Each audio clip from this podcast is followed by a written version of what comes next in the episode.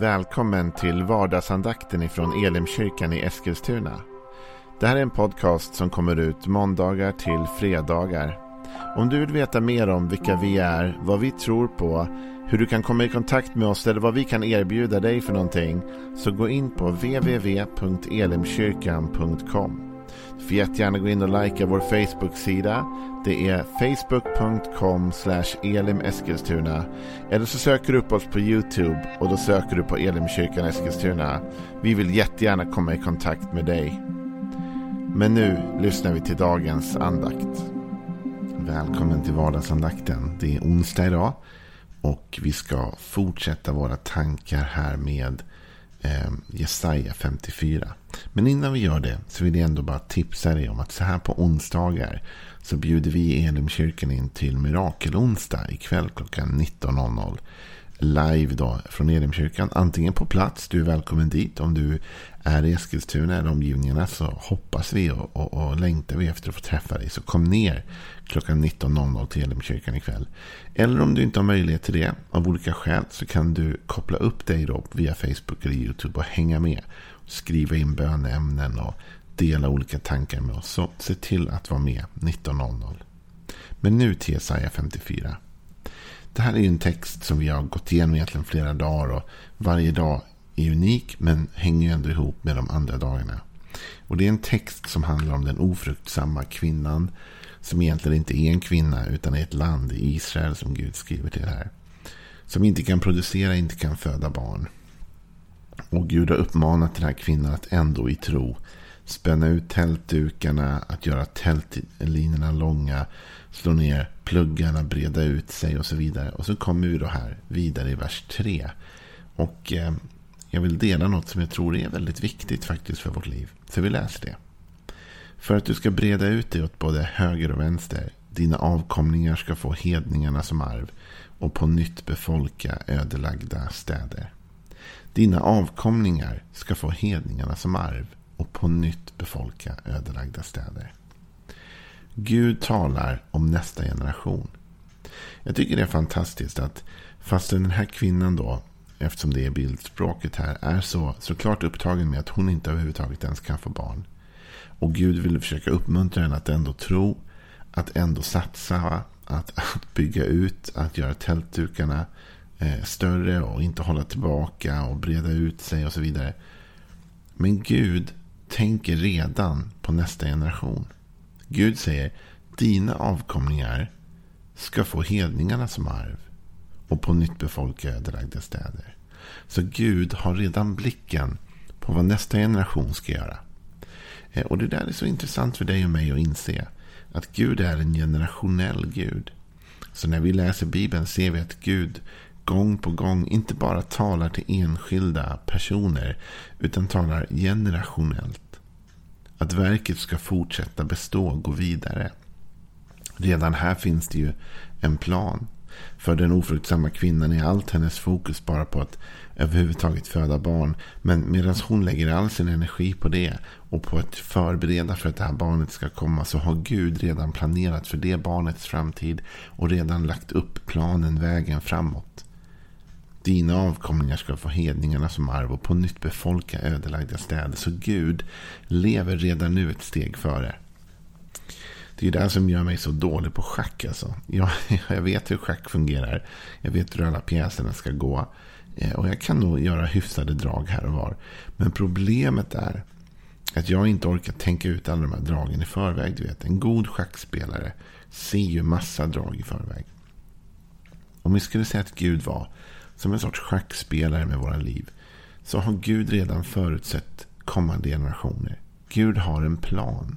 Han har en idé om vad han vill ska hända framöver. Och vad din påverkan på nästa generation ska vara. Vad du har för något att bidra med framöver. Kanske du tänker, men jag har inga barn eller jag, jag har inga generationer som kommer vidare från mig. Men vi återkommer till det om en stund. För du kan visst påverka framtiden i alla fall. Men att inte känna att ens verk går vidare är svårt. Vi har en längtan inom oss tror jag. Att bli kvar på något sätt va? I kommande tider genom nästa generation. Abraham han brottas ju med det här. När han hette Abraham och när han och hans hustru Sara inte kunde få barn. Det var en stor sorg i Abrahams liv. Och i det femtonde kapitlet i första Moseboken så besöker Gud Abraham. Och vi ska läsa lite grann för vi ser den frustrationen som Abraham känner. Och då ska man veta att Abraham är ju on top of the world. Abraham, han är rik. Det står till och med i Bibeln att han var mycket rik. Och han hade så mycket grejer att han och hans brorson Lot inte kunde ens bo på samma plats för att det var ett bråk mellan deras tjänstefolk. Och Abraham, han har till och med varit i strid och vunnit. Han har kämpat tillbaka sin brorson Lot. Alltså det går väldigt, väldigt bra för Abraham. Abraham lyckas med allt just nu. Men han har inga barn. Och han känner att det här är en stor oro för honom. Inte bara för barnen i sig, utan också för det här generationella. Vi läser, så här står det i första Mosebok 15. Därefter kom Herrens ord till Abraham i en syn och han sa Var inte rädd Abraham, jag är din sköld. Din lön ska bli mycket stor. Men Abraham sa Herregud, vad ska du ge mig? Jag går ju bort barnlös. Och arvinge till mitt hus är Eliser från Damaskus. Och Abraham fortsatte. Se, mig har du inte gett någon avkomling. Så det blir en av mitt husfolk som ärver mig. Men Herrens ord kom till honom. Det är inte han som ska ärva dig. En som kommer från din egen kropp ska bli din arvinge. Sen förde han ut honom och sa, se upp mot himlen och räkna stjärnorna om du kan. Och han sa till honom, så ska din avkomma bli. Och Abraham trodde på Herren och det räknades honom till rättfärdighet. Jag tycker det här är en fantastiskt faktiskt text. Abraham säger till Gud, när Gud kommer och säger du ska bli rikt belönad Abraham. Din lön ska bli mycket stor. Så säger Abraham, det spelar ingen roll, vad är det du ska ge mig? Jag går ju bort barnlös och vad händer med alla mina grejer? Det blir en av mitt tjänstefolk som äger mig. Jag kommer inte leva vidare generationellt. Men Gud ger det här löftet till Abraham att ja, men det, du ska faktiskt få någon från din egen kropp som ska ärva dig och så vidare. Och Gud kommer att fortsätta tala till Abraham om hans efterkommande. I vers 13 står det. Och Herren eh, sa till Abraham. Du ska veta att dina efterkommande ska bo i främling, som främlingar i ett land som inte är deras. Där man ska göra dem till slavar och förtrycka dem i 400 år. Men det folk som gör dem till slavar ska jag döma och sen ska de dra ut med stora ägodelar. Men du själv ska gå till dina fäder i frid och bli begravd vid hög ålder. I fjärde släktledet ska de återvända hit för amorierna har ännu inte fyllt sina synders mått. Varför läser jag det här? Därför jag tycker det är intressant att när Abraham kämpar med sin barnlöshet. Han har fortfarande inte liksom, han, Sara är inte gravid då. Han har fortfarande ingenting som talar för att han skulle kunna få barn. Så har Gud redan planerat Abrahams avkomlingars framtid. Gud har en plan och en vishet som faktiskt i det här fallet sträcker sig mer än 400 år fram. Han vet vad som kommer hända framöver och han har en plan för att ta hand om Abrahams barnbarn. De kommer gå igenom svårigheter men när de har kommit igenom det så kommer det leda till välsignelse. Känns det inte tryggt för dig och mig att kunna vila i att om vi har barn till exempel så har Gud en plan för våra barn. Alltså redan innan vi ens födde våra barn. Redan innan vi ens fick veta att vi skulle bli föräldrar. Så hade Gud redan framtiden i sin hand. Och visste vad som skulle hända i våra barns generation. Ibland möter jag folk och de säger så här liksom att ja, men jag är orolig för att bli förälder. Man möter unga människor och de kan känna sig oroliga att bli föräldrar. För hur kan man ta in ett barn i den här världen? Och hur kommer framtiden se ut med miljöutmaningar och med våld och med alla möjliga saker? Men vet du? Vi kan ändå våga det. Därför Gud har framtiden i sin hand. Och därför Gud har redan en plan för kommande generationer. Det är inte så att Gud inte vet vad som kommer hända med dina barn eller barnbarn. Eller hur det ska gå vidare. Men jag tror att du och jag, vi behöver investera i kommande generation. Jag tror faktiskt att det finns ett gudomligt syfte med det. Och jag tror faktiskt att Gud älskar på ett särskilt sätt när du och jag sträcker oss förbi oss själva in gentemot nästa generation. Det finns en fantastisk bibelvers i Ordspråksboken som talar om detta. Och det står så här i Ordspråksboken 13 och 22. Den gode lämnar arv åt barnbarnen, men syndarens egendom förvaras åt den rättfärdige. Den gode lämnar arv åt barnbarnen. Och jag tänker så här.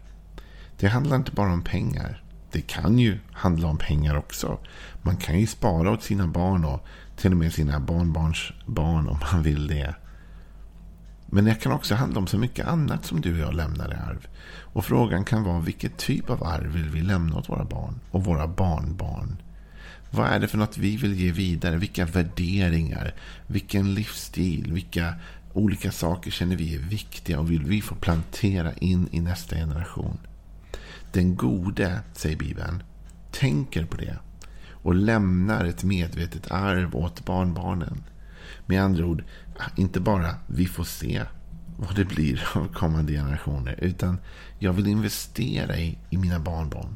Det innebär att jag kommer att försöka lära dem saker. Jag vill vara involverad i deras liv. Jag förstår att Gud har en plan för dem. Och jag vill vara en del av att underlätta den planen, att hjälpa dem.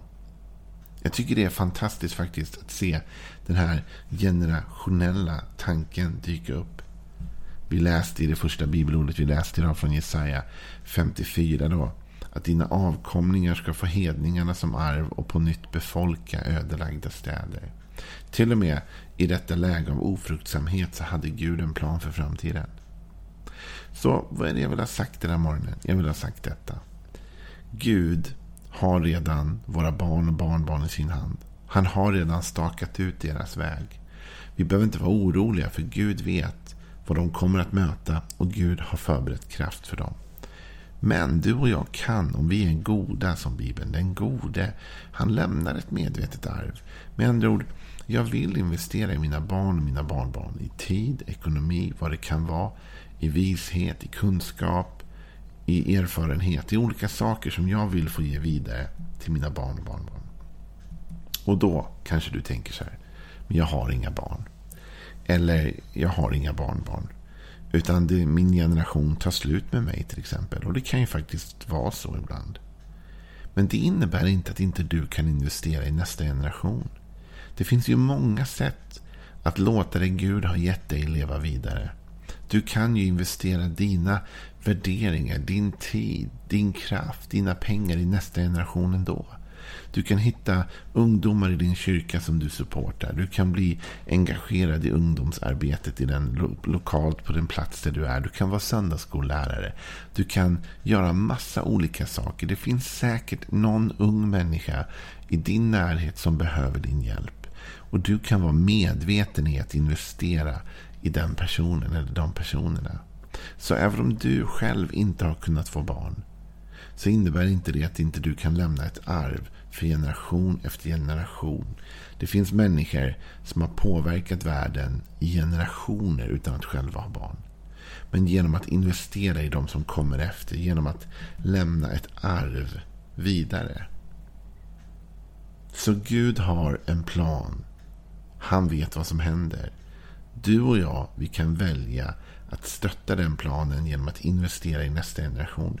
Men om vi vill göra det, då måste vi ju sluta leva bara för oss själva. Då måste vi lyfta blicken högre än bara våra egna behov och problem och våra egna önskningar och drömmar. Då måste vi våga lyfta blicken och se att livet är mer än bara vår tid här.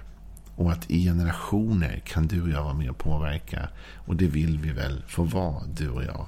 Så jag avslutar faktiskt med Ordspråksbokens ord en gång till från det trettonde kapitlet och den 22 versen. Den gode lämnar arv åt barnbarnen.